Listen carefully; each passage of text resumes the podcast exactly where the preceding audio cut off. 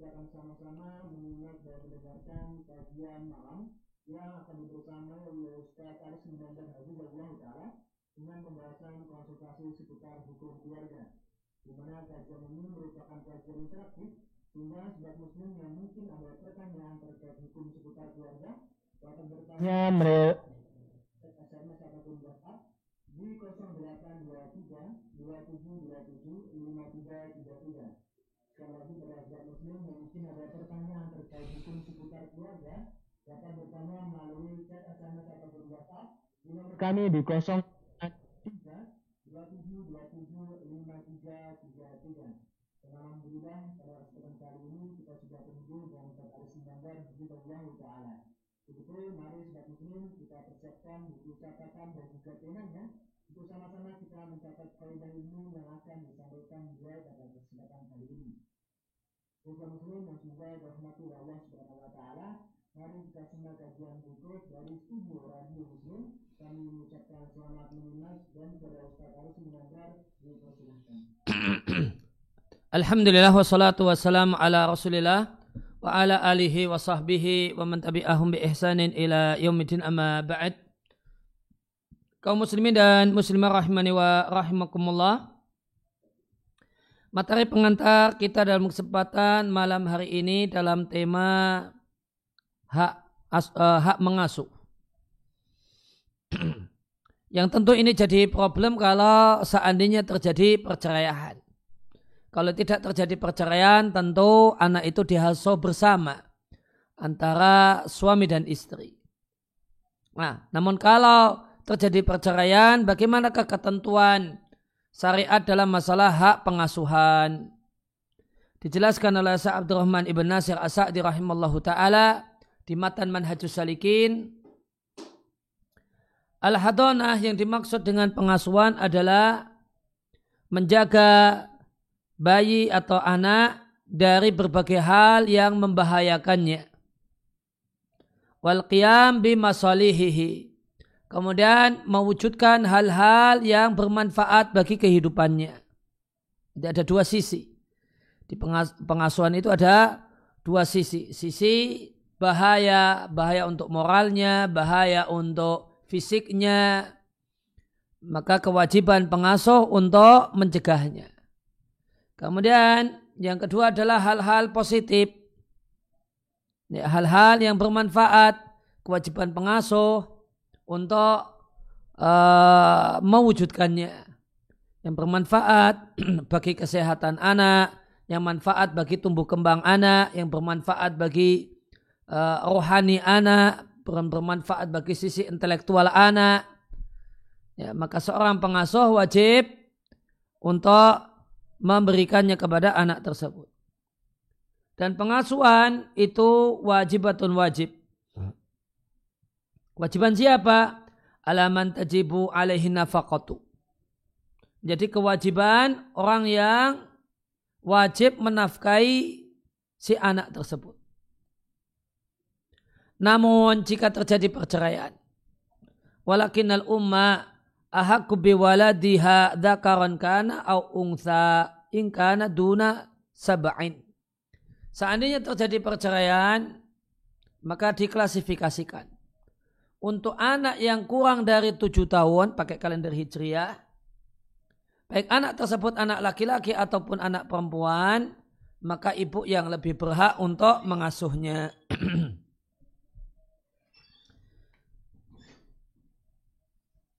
Fa'idha balagha sab'an, namun jika untuk anak yang sudah genap tujuh tahun atau lebih, maka dirinci. Fa'in kana jika anak tersebut adalah anak laki-laki, khuyira baina abawaihi, maka dia dipersilakan untuk memilih di antara ayah dan ibunya. Mau ikut siapa? Ikut ayah ataukah ikut ibunya? Fakana ma'aman ikhtara Lantas anak ini kemudian akan bersama hidup bersama uh, orang tua yang dia pilih. Namun wa ingkanat ungsa khusus jika anak itu adalah anak perempuan. Ya, jika anak tersebut adalah anak perempuan fa ingdaman yakumu bimaslahatiha min ummiha wa abiha. Maka dia diasuh oleh orang yang bisa mewujudkan kemaslahatan baginya. Ya, baik uh, itu ibunya ataukah ayahnya. Ya, maka pembahasan kita dalam kesempatan malam hari ini tentang hak pengasuhan.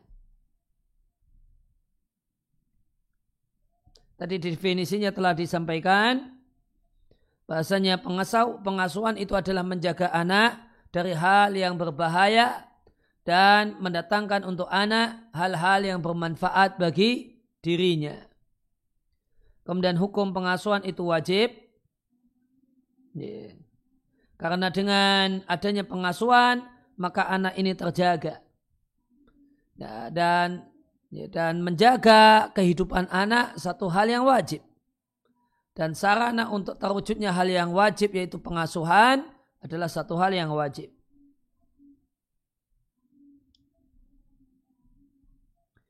Kemudian tentang siapakah yang paling berhak dengan hak pengasuhan. Maka hukum asalnya anak kecil, bayi dan anak kecil diasuh oleh ayah dan ibunya. Namun jika terjadi perceraian di antara keduanya. Maka ibu itu yang lebih berhak untuk mengasuh anaknya. Baik itu anak laki-laki ataupun perempuan, manakala anak tersebut kurang dari tujuh tahun. Ya, karena ibulah yang paling berhak untuk menyusui si anak. Maka jika anak ini masih bayi, kurang dari dua tahun, maka orang yang paling berhak untuk menyusuinya sekaligus mengasuhnya adalah ibu kandungnya.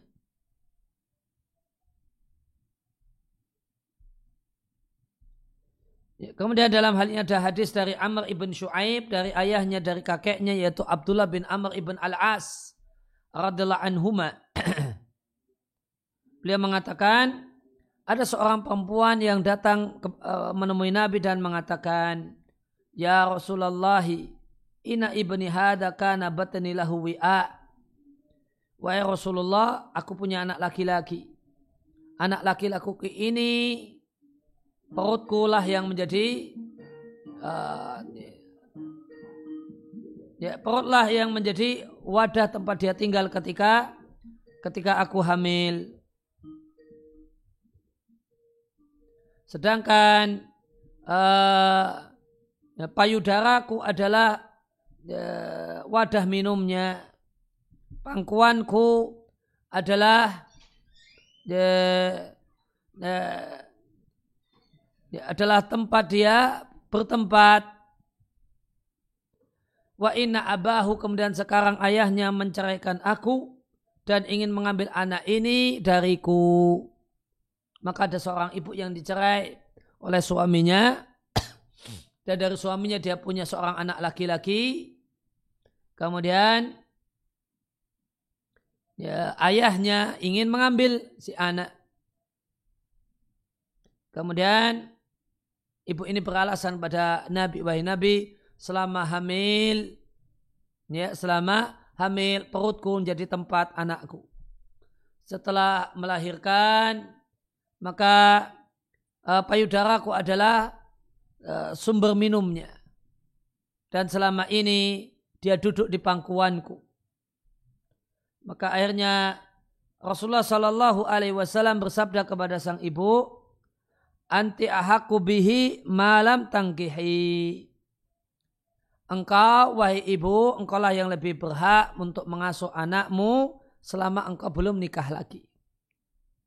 Ya, kalau ibu ini kemudian nikah lagi, maka ya, ayahnya lebih berhak untuk mengasuh anak tersebut.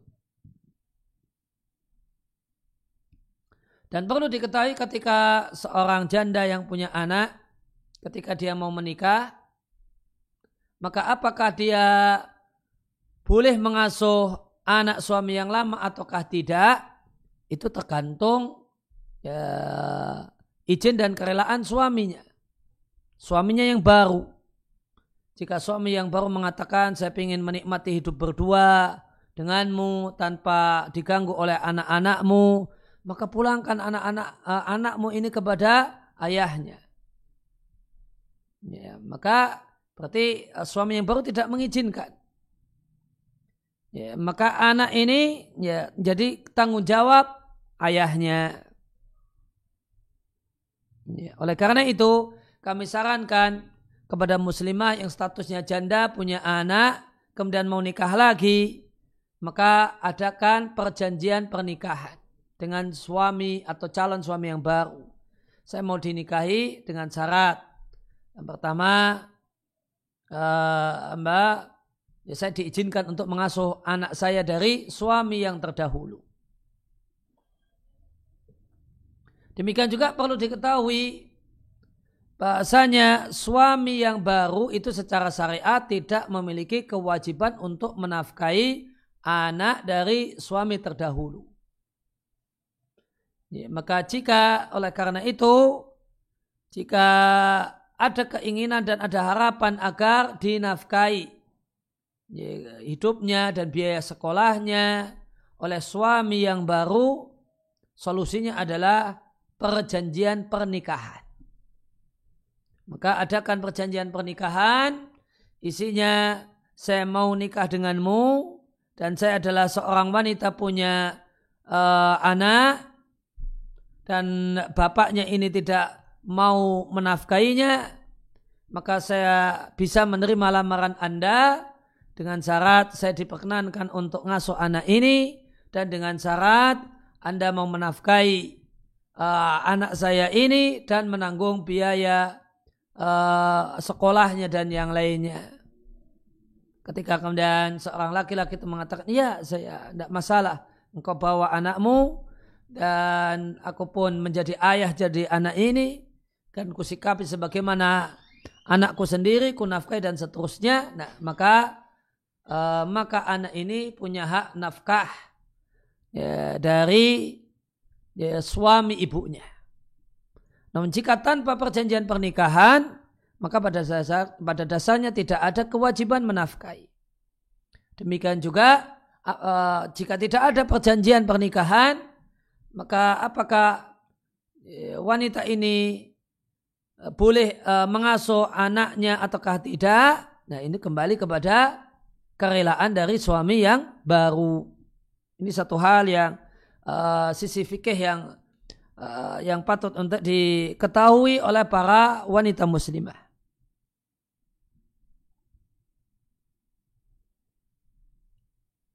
Nah, maka ibu jika jika anak itu belum tamyiz, belum genap tujuh tahun pakai kalender hijriah, maka ibu yanglah yang lebih berhak untuk mengasuhnya selama dalam diri ibu ini tidak ada label yang uh, kondisi yang menghalangi dia untuk menjadi orang yang lebih berhak.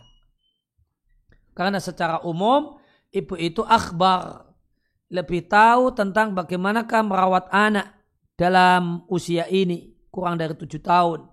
Demikian juga lebih bersabar dan lebih penyayang. Namun maka dan jika namun jika ibu ini akhirnya uh, ternyata ibu ini meninggal dunia atau si ibu ini menikah lagi. Kanat al hadonatu lil abi. Maka hak pengasuhan adalah hak ayah dari anak tersebut. Faidah tulikat jika si ibu ini diceraikan oleh suaminya yang kedua, maka hak pengasuhan kembali kepada dia. Demikian ketentuannya. Dan jika anak sudah untuk anak yang sudah berumur genap tujuh tahun, maka jika dia anak laki-laki disuruh milih antara ikut ayahnya ataukah ibunya ketika ayah dan ibu ini memperebutkan hak asuh. Maka anak laki-laki ini mengikuti mana dari orang tuanya, salah satu dari orang tuanya yang dia pilih. Dan umumnya dia memilih yang lebih sayang ya, yang lebih penyayang.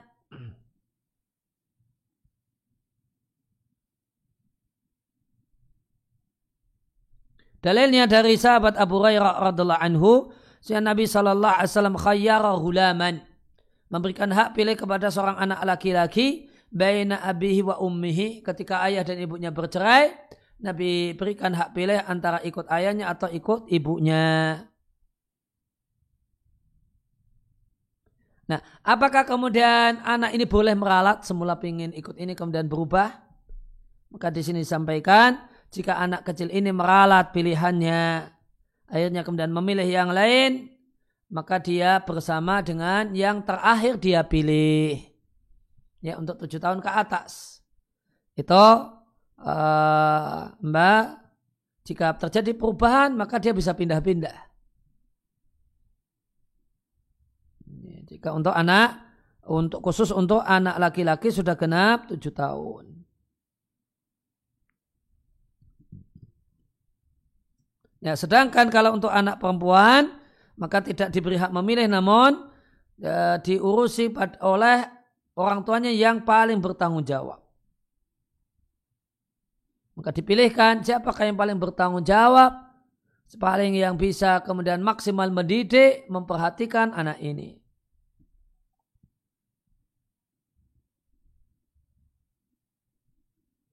Demikian ketentuannya. Ya, ya, dan demikian yang kita kaji di sebagai materi pengantar dengan kesempatan malam hari ini. Wassalamualaikum ala Muhammadin wa ala alihi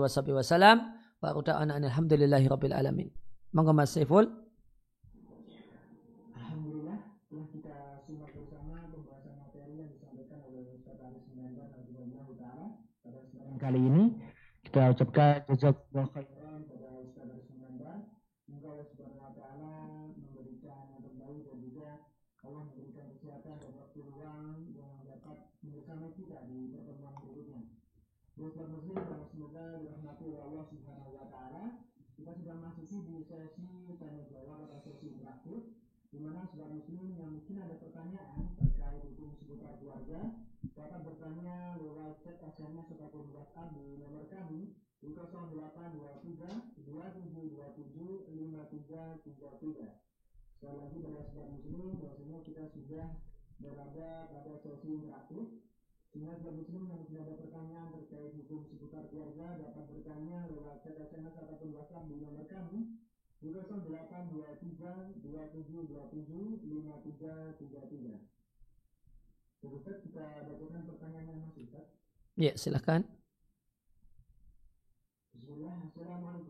Waalaikumsalam warahmatullahi Bagaimanakah menilai laki-laki dan perempuan sebelum menikah Ustaz?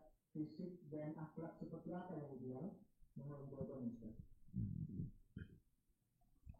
Ya, eh, tentang fisik yang ideal tentu ini antara satu orang dengan orang yang lain berbeda-beda. Ya, meskipun ya semuanya punya kecenderungan yang sama. Ya, laki-laki yang ingin fisik calonnya bagus, namun perlu diketahui Perempuan juga menginginkan laki-laki yang fisiknya bagus. Ya, namun uh, ya, realita menunjukkan realita kehidupan rumah tangga menunjukkan bahasanya ya, fisik bukan ya, segalanya. Ya, kecantikan dan kegantengan itu hilang ketika ya, ternyata akhlaknya dan adabnya buruk. Yang kemudian uh, yang bikin tumbuhnya cinta boleh jadi adalah fisik. Namun yang mengawetkan cinta itu adalah adab dan akhlak. Yeah. Tanpa adab dan akhlak, cinta yang tumbuh karena fisik itu bisa hilang.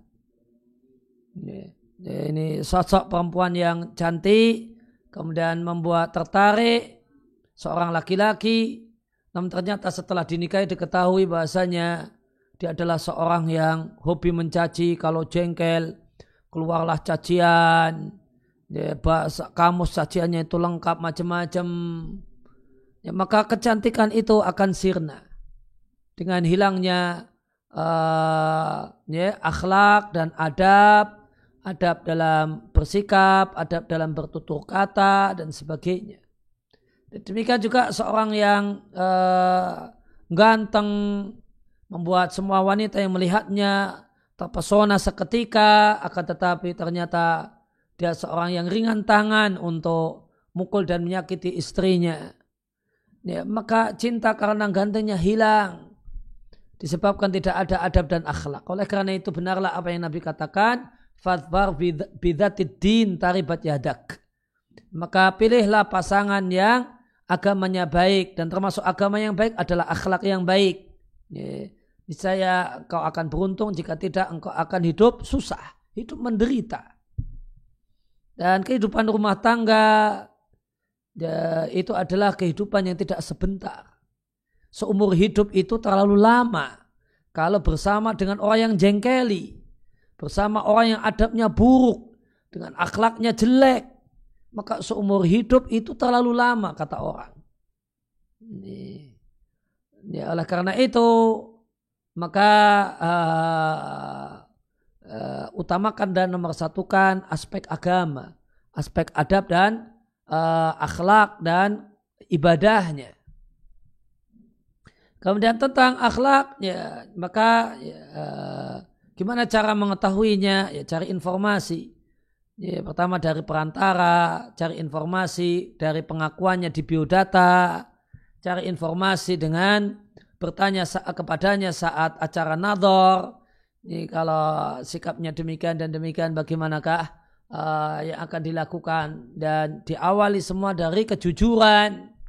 Kemudian cari informasi tambahan ya, dengan lihat medsosnya, cari informasi yang lain dari kawan-kawannya, dari saudara-saudaranya, dari tetangga-tetangganya. Nah.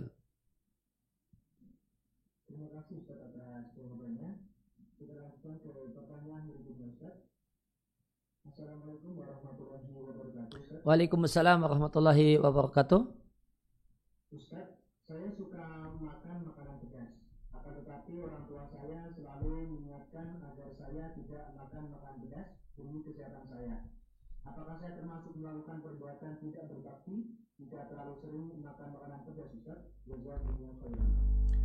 Ya, maka dilihat uh, permintaan orang tua ini ya, perintah anjuran ataukah perintah wajib, harus ataukah ini cuma saran.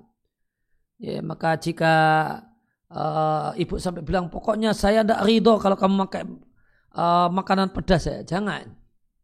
Tapi ya misalnya mas ya uh, jangan pedas-pedas lah, gitu. Uh, himbauan. Ya, maka Uh, jika demikian maka ya ingat uh, permintaan orang tua dan utamakan. Ya tidak harus selalu uh, menghindari pedas, namun lebih cenderung misalnya pedas itu ketika tidak makan di rumah, ya atau kemudian dan itu ketika di rumah juga cenderung jarang-jarang misalnya. Ya maka kembali kepada uh, bentuk permintaan dari orang tua dalam hal ini. Nah. Terima kasih Ustaz atas jawabannya. Kembali lagi kami mengingatkan kepada sobat muslim beraktif sobat muslim berada. Bahwasanya kita sudah memasuki di sesi interaktif.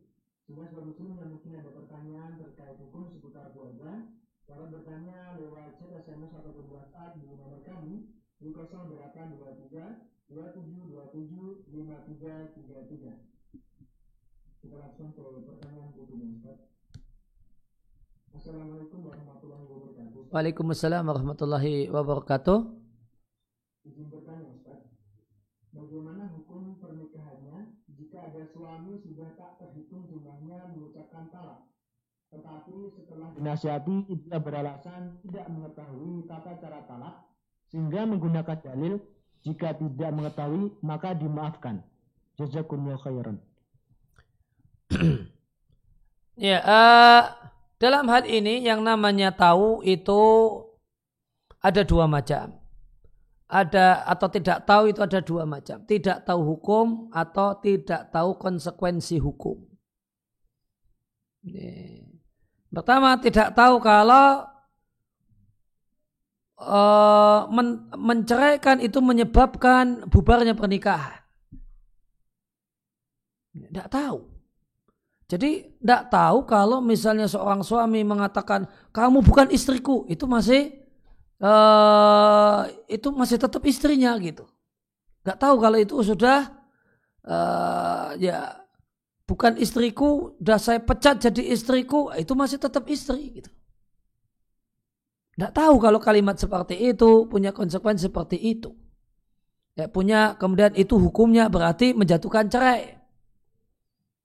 Ketika kemudian seorang suami uh, betul kemudian kalau misalnya dalam bahasa Jawa tak pegat itu artinya ya tetap masih jadi istri. Nah itu tidak tahu hukum. Nah kalau memang betul tidak tahu hukum maka tidak ada konsekuensi. Maka ya teranggap tidak ada. Yang kedua, tidak tahu konsekuensi hukum. Tidak tahu hukuman di balik ucapan aku cerai dirimu. Kau ku pecat jadi istriku. tak pegat kowe gitu. Nggak tahu hukuman dari kalimat ini. Dia tahu ini kalimat cerai. No, nggak tahu kalau maksimal cuma tiga kali. Nah, kalau tidak tahunya adalah tidak tahu hukuman. Bukan tidak tahu hukum dan tidak tahu hukuman, maka hukum tetap berlaku dan hukuman tetap berlaku. Sebagaimana di zaman Nabi ada seorang yang mengumpuli istrinya di siang hari bulan Ramadan, dia tahu itu tidak boleh ketika puasa. Dan dia tidak tahu kalau ya, kewajibannya kafarah yang berat. Di antaranya puasa dua bulan berturut-turut Ya, meskipun dia tidak tahu hukuman, Nabi tetap memberlakukan hukuman itu padanya.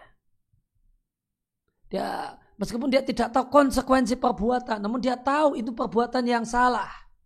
Maka konsekuensi perbuatan tetap berlaku. Ketika orang tahu kalimat ini kalimat cerai, kalimat pisah, maka ketika dia mengucapkannya, maka berlaku konsekuensinya meskipun dia tidak tahu kalau konsekuensinya maksimal tiga kali.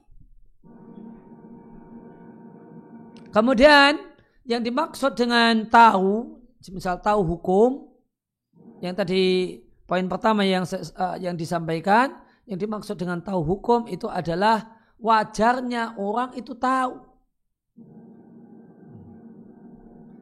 Nah, kalau dia hidup di masa kita saat ini, Adakah ya, maka bisa kita katakan wajarnya laki-laki itu tahu, wajarnya suami itu tahu. Kalau dia mengatakan aku cerai kamu, maka artinya tercerai. Ya, gak tahu kalau ku cerai kamu itu artinya kamu istriku, ah, misalnya. Itu kan mustahil. Ya, ada seorang suami mengatakan kamu ku cerai, artinya kamu istriku yang sejati dan tersayang. Itu kan gak ada itu. Itu nggak ada.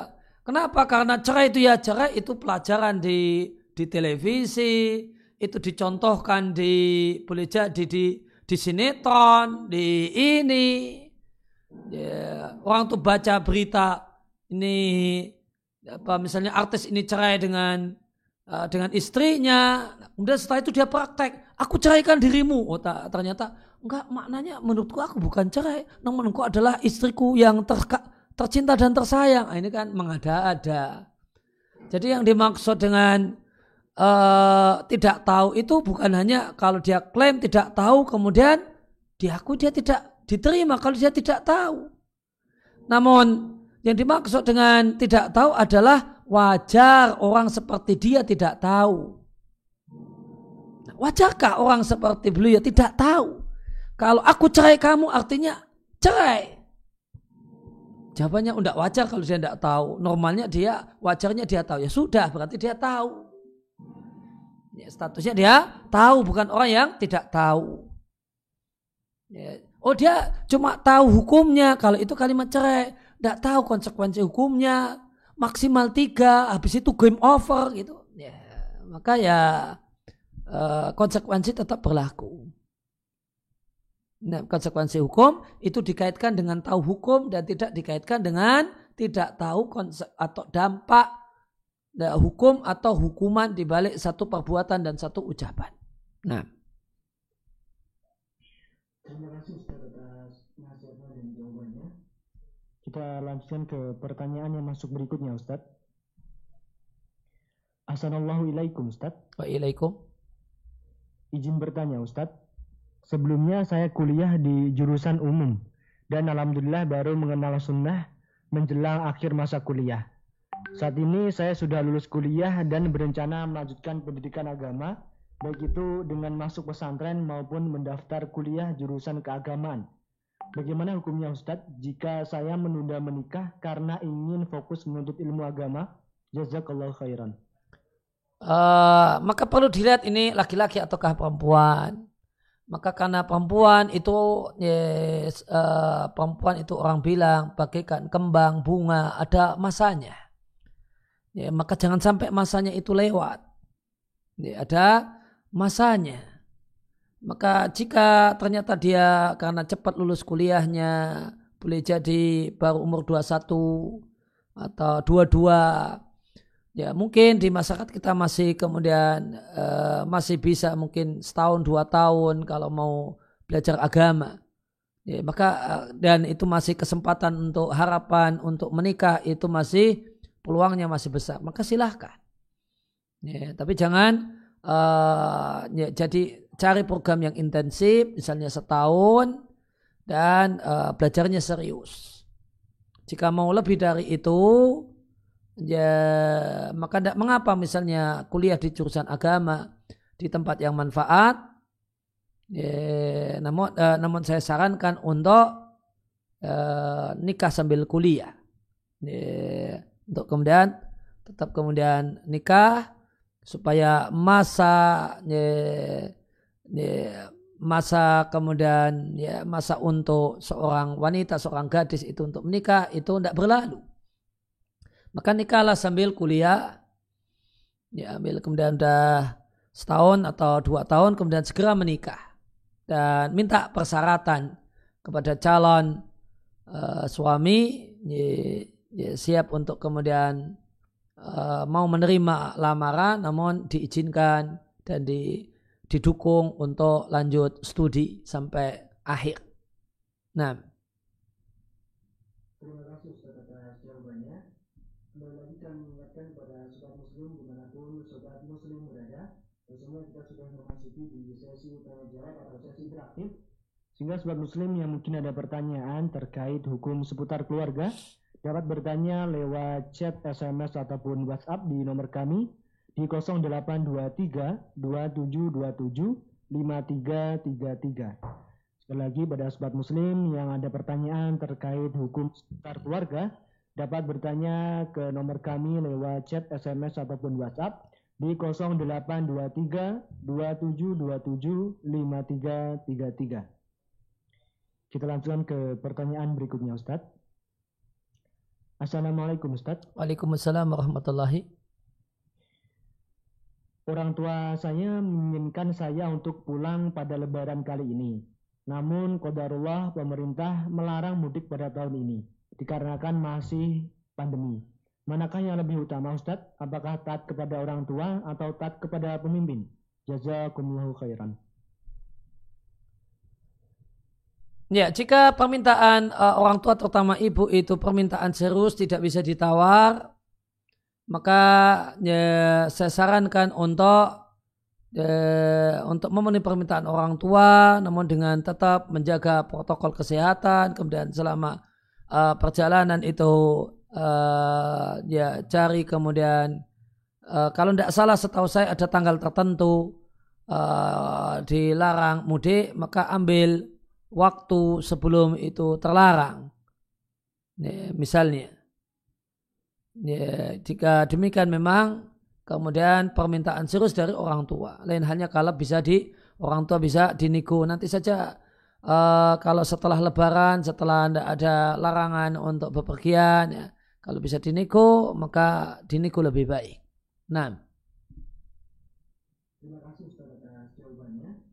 Kita lanjutkan ke Semoga Allah menjaga Ustadz beserta keluarga. Amin. Izin bertanya Ustadz, saya seorang laki-laki. Jika nanti saya sudah menikah, ibu saya ingin tinggal bersama saya. Karena ibu saya khawatir tidak ada yang mengurusnya di masa tua. Bagaimana hukumnya Ustadz jika saya tinggal serumah bersama orang tua, sementara seorang istri juga berhak tinggal terpisah dari orang tua saya? Ya, solusinya uh, sediakan dua tempat. Ya, sediakan dua tempat jika memang istri tidak tidak nyaman atau tidak mau dibersamai ibu mertuanya. Ya, maka uh, bisa satu kampung namun sehingga suami itu bisa ke sana bisa kemari. Atau solusi yang kedua, nikahlah dengan wanita yang memang sejak awal bersedia. Jadi ada perjanjian pernikahan. Sejak awal bersedia di rumah nanti ada ibu saya. Dan kemudian dan sebelum kemudian masuk ke jenjang serius, coba dekatkan antara the calon tersebut dengan ibu. Uh, ibu cocok enggak? Kemudian calon tersebut cocok enggak ngobrol dengan ibu? Ya, jika memang sejak awal kemudian ibu oh ini ya, anaknya cocok, ibu juga cocok, nah, ya, maka lanjut. Ya, dengan itu maka ya, ibu bisa member, uh, membersamai. Namun kalau kalau tidak ada perjanjian pernikahan semacam ini, maka nanti istri punya haknya. Jadi ketika dia coba bareng dengan ibu mertua ternyata ada kendala-kendala kemudian dia minta saya tolong ini uh, apa ya, tempat tinggal saya tidak bareng dengan ibu mertua. Maka suami punya kewajiban untuk menyediakan tempat tinggal yang terpisah. Ya, punya kewajiban memberikan tempat untuk istri terpisah dari kerabat suami. Dan itu hak istri. Nah. Terima kasih Ustadz atas jawabannya. Kita lanjutkan ke pertanyaan berikutnya Ustadz. Assalamualaikum Ustaz. Waalaikumsalam warahmatullahi. Izin bertanya Ustaz. Saya pernah mendengarkan penjelasan Ustaz soal kita tidak mewarisi dari orang tua yang non-Islam. Mohon gambaran mudahnya seperti apa Ustaz? Ini apakah yang dimaksud mewarisi harta atau bagaimana? Jika soal harta, hartanya dikemanakan? Apakah diambil alih negara atau ulil amri? Jazakumullahu khairan. Ya, uh, ketika maka orang tuanya non muslim anaknya muslim maka uh, anak muslim tidak tidak punya hak untuk mendapatkan warisan dari harta, warisan harta dari orang tuanya sehingga uh, hartanya bisa masuk ke kas negara dengan catatan pengelolaan negara tidak ada korupsi namun jika pengelolaan negara itu uh, tidak bisa kemudian dijamin aman, maka yang tepat adalah disalurkan ke kegiatan sosial kemasyarakatan dan kemudian atau untuk kegiatan dakwah dan keagamaan. Ya, bisa diberikan kepada lembaga-lembaga dakwah uh, atau kemudian uh, lembaga-lembaga sosial. Nah,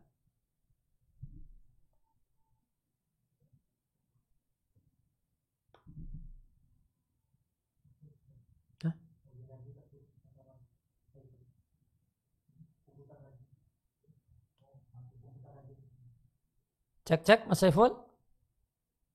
Masih putus?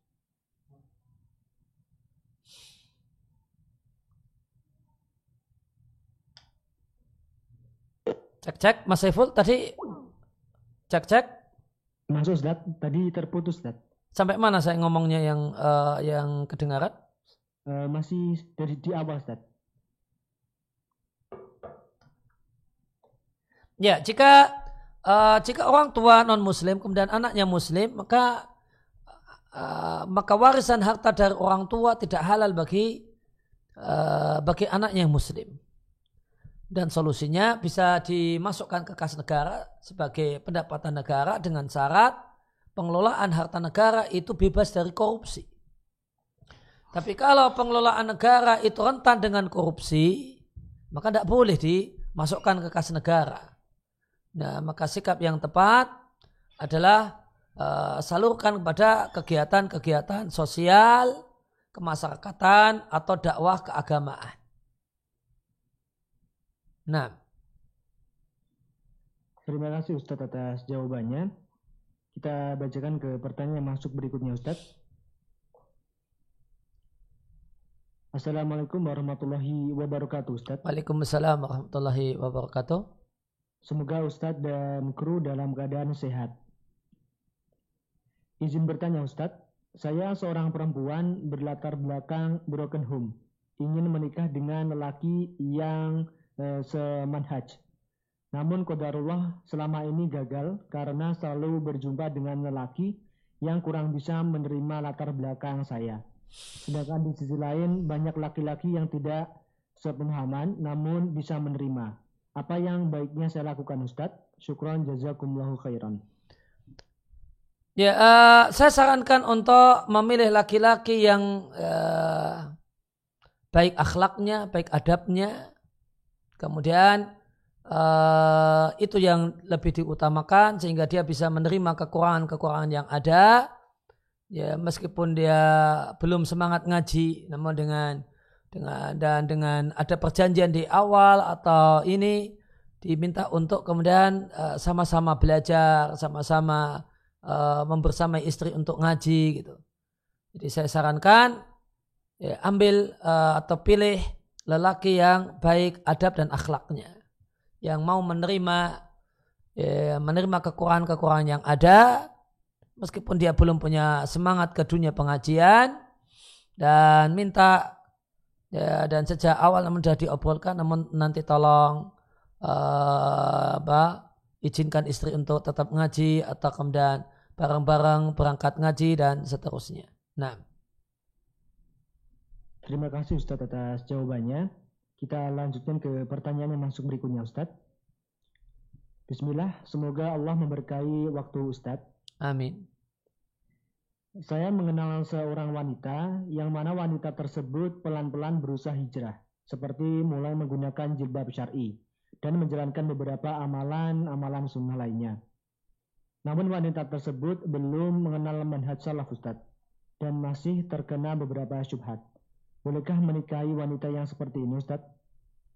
Ya, jika dia memiliki karakter uh, karakter utama wanita salihah yaitu uh, taat kepada suami, tipikalnya penurut, ya, bukan wanita yang suka membantah, bukan namun uh, wanita yang uh, punya semangat untuk mencari ridho suami, maka jika dia punya modal utama ini silahkan.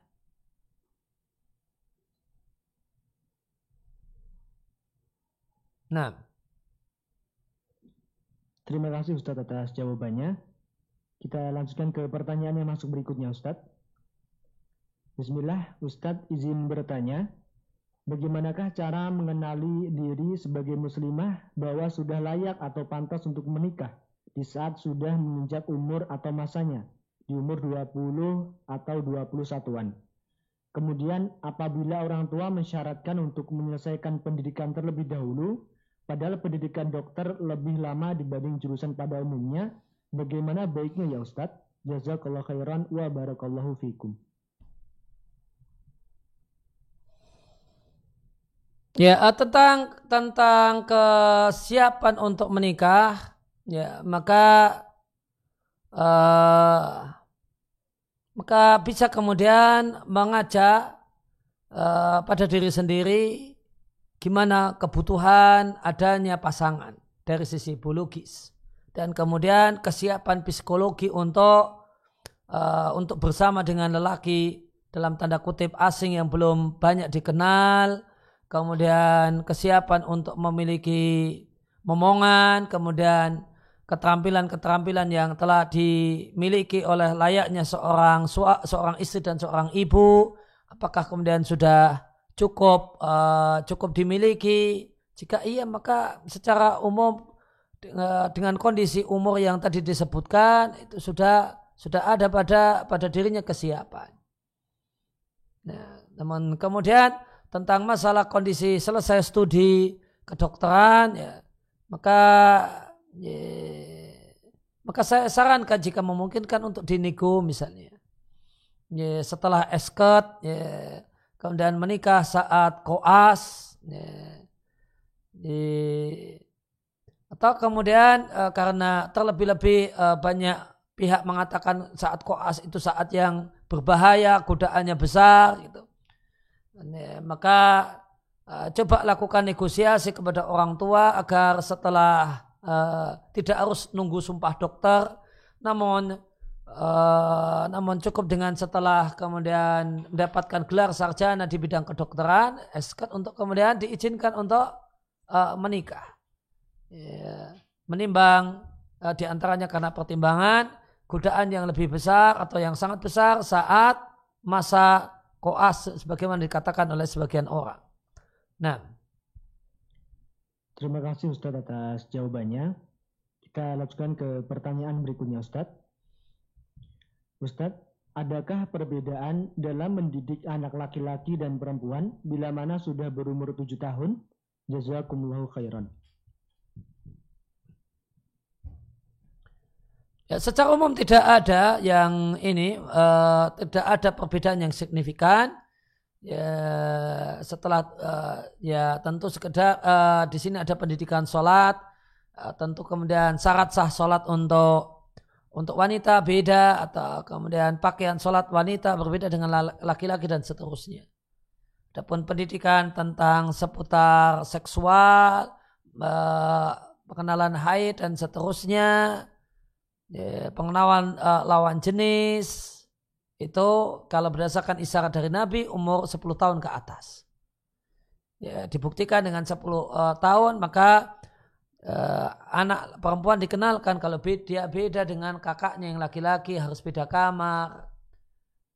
Kemudian disadarkan bahasanya uh, nanti kemudian kemudian boleh bisa kemudian mulai diajari nanti wanita akan mengalami haid dan dan seterusnya.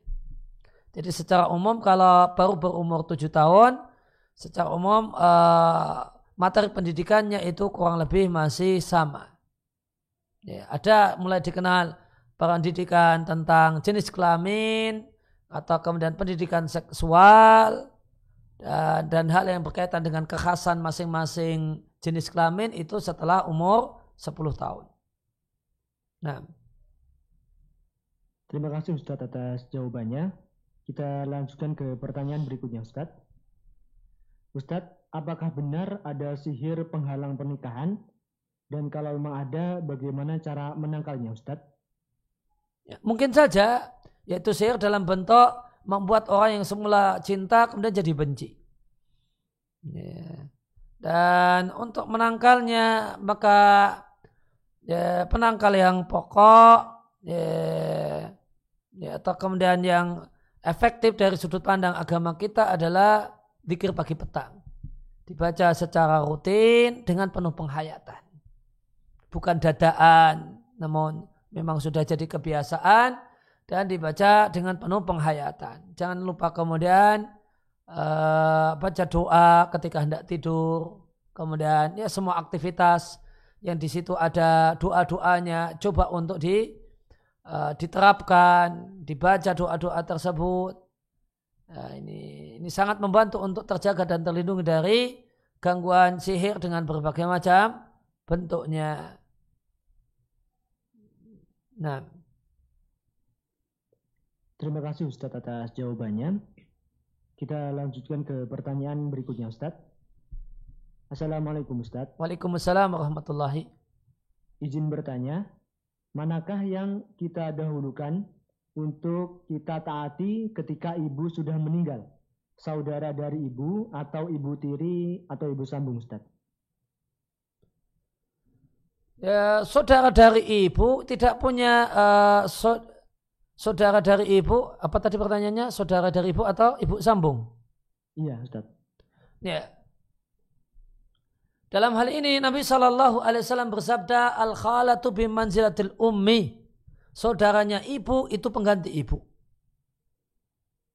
Saudaranya ibu itu pengganti ibu. Ketika ibu tidak ada maka bakti diarahkan kepada saudaranya ibu ya, saudara perempuan ibu. Kemudian tidak ada kewajiban bakti ya, kepada ibu sambung. Ibu sambung hubungannya hubungan mahram. Dia mahram karena dia suam, uh, istrinya ayah.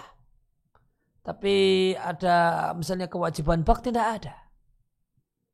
Kalau dengan bibi uh, tante adiknya ibu ada. Karena Nabi mengatakan al khalatu bimanzilatil ummi saudara perempuan ibu itu pengganti ibu. Nah. Terima kasih Ustaz atas jawabannya.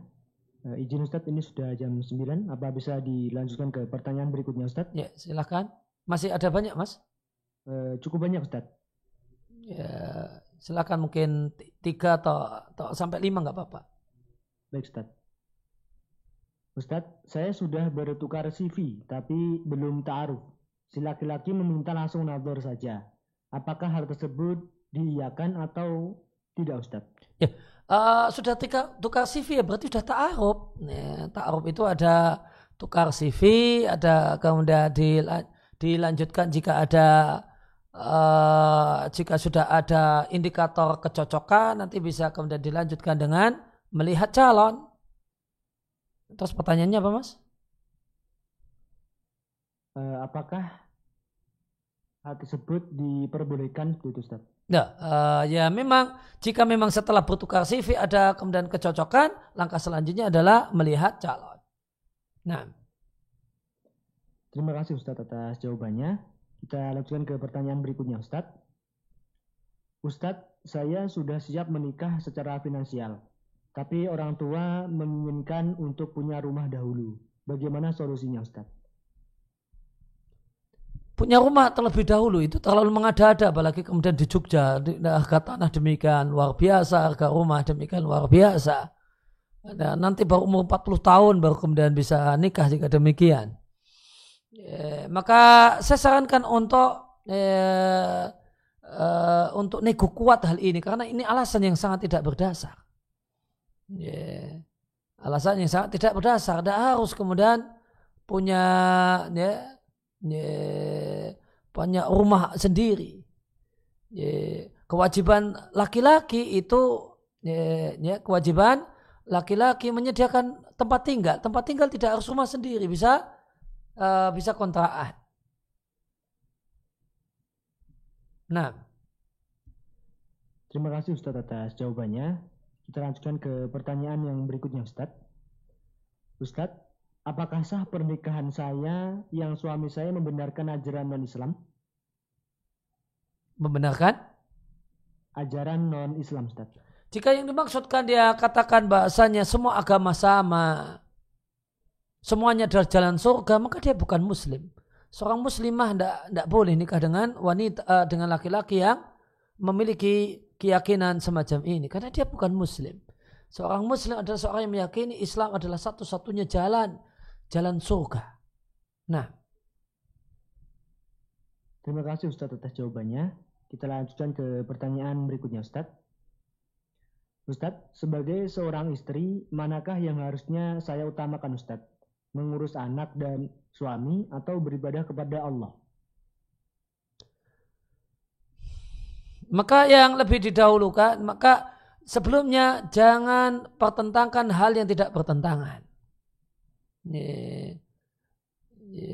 Namun ketika uh, ketika kemudian harus bertentangan maka dilihat mengurus suami itu mendesak mana yang lebih mendesak mengurus suami ataukah kewajiban ibadah.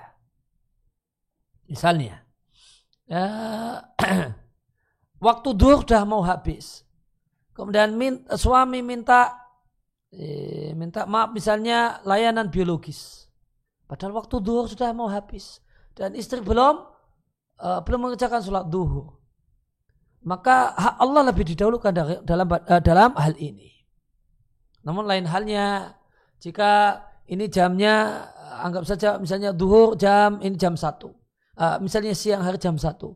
Suami minta layanan biologis, istri belum belum sholat duhur. Ya, maka secara umum waktunya masih cukup. Maka silakan dahulukan suami baru setelah itu tunaikan hak Allah mengerjakan sholat duhur. Itu sebagai gambaran eh, praktisnya, namun pertanyaannya terlalu global, kita perlu diperlukan data yang lebih lebih spesifik apa yang dimaksudkan dan apa yang diinginkan. Nah, terima kasih Ustadz atas jawabannya. Mungkin ini pertanyaan terakhir Ustadz dan iya. nantinya Ustadz Aris juga ada bisa menutup kajian pada malam hari ini. Ustadz, kiat-kiat apa yang perlu dilaksanakan untuk mempertahankan rumah tangga Ustaz? Kiat utamanya adalah sabar yang tidak pernah habis. Ya, selama itu satu hal yang mampu untuk dipikul. Namun jika itu sesuatu yang di luar kemampuan orang untuk memikulnya, misalnya suami KDRT atau uh, atau kemudian uh, atau seorang istri yang uh, ya, ya, ya seorang istri yang ucapannya kemudian apa caci makinya setiap hari ya caci makinya setiap hari tidak kuat wajarnya orang tidak kuat dengan hal ini. Maka ya, silahkan uh, ketika memang untuk diperbaiki tidak mungkin, maka perceraian satu hal yang dibolehkan oleh syariat dalam rangka untuk uh, dalam rangka sebagai solusi. Dan ingat, uh, cerai talak itu bukan alat mendidik dalam Islam. Non cerai dan talak itu adalah uh, solusi Ketika uh, usaha untuk kemudian berupaya untuk melakukan perbaikan, kemudian penyatuan itu sudah maksimal. Ternyata tidak bisa. Ya, maka uh, ma, uh, maka pernikah uh, maka percayaan satu hal yang diperbolehkan sebagai solusi. Sebagian orang mengira Perceraian itu alat untuk mendidik, misalnya mendidik istri. Ini satu hal yang salah besar. Perceraian itu bukan alat mendidik, dia adalah solusi. Ketika uh, terjadi gesekan dalam rumah tangga dan uh, tidak ada jalan kecuali harus berpisah. Nah, uh, ya demikian yang kita kaji dan kita pelajari dalam kesempatan kali ini. Namun saya ingin baca pertanyaan di apa? Ada di Zoom, ya di Zoomnya Haki, ya tolong dibacakan. Baik, Sat. Uh, Bismillah, Assalamualaikum warahmatullahi wabarakatuh. Waalaikumsalam warahmatullahi wabarakatuh. Sat, Ana dan suami berencana tinggal berdua di dekat tempat suami bekerja. Qadarullah, anak Ana terakhir dan orang tua anak berini, berkeinginan agar anak tinggal dekat orang tua anak. Apakah boleh kami tetap tinggal di jauh jauh dari orang tua? Terkadang orang tua anak histeris saat anak tinggal. Anak harus bersikap bagaimana Ustaz? Jazakumullah khairan. Ya, maka kembali kepada jalin komunikasi dengan suami Ya, gimana keinginan suami? Kalau suami kemudian sangat berkeinginan agar ditemani di tempat dia bekerja, maka istri yang salihah itu uh, lebih mendahulukan permintaan suaminya dibandingkan permintaan orang tua. Ya, karena hak suami itu lebih besar daripada hak uh, orang tua. Sebagaimana sabda Nabi Shallallahu Alaihi Wasallam, "Lau amartu ahadan ayat li ahadin la amartu imra'ata la amaratul mar'ata anta li zaujiha. Seandainya aku diperbolehkan untuk memerintahkan seseorang untuk sujud hormat kepada orang lain, saya aku akan perintahkan seorang istri untuk sujud hormat kepada suaminya. Ya demikian. Ya, tapi kalau kalau suami rela, oh nggak apa-apa lah, uh, uh, temani aja ya, bapak dan ibu. Ya. Kebaikan suami, maka alhamdulillah. Tapi jika tidak, uh, suami sangat ingin agar dibersamai, maka kewajiban istri adalah ikut suami. Demikian uh, yang kita kaji dan kita bahas kesempatan kali ini. Semoga uh, uh, kami ucapkan terima kasih atas kehadiran Bapak dan Ibu sekalian di ruang virtual ini. Semoga kehadiran kita di majelis ini Allah catat sebagai amal ibadah yang memperberat timbangan kebajikan kita di sisi Allah Subhanahu wa taala di hari tidak bermanfaat harta dan anak kecuali orang yang menghadap Allah dengan hati yang bersih dan amal yang soleh. Demikian juga kami ucapkan terima kasih kepada Kur Radio Muslim Yogyakarta dan Haku TV dan semua pihak yang punya kontribusi untuk berjalannya acara ini dengan baik dan lancar. Jazakumullah khairan. Semoga Allah balas dengan yang lebih baik di dunia dan di akhirat. Wassalamualaikum warahmatullahi wabarakatuh.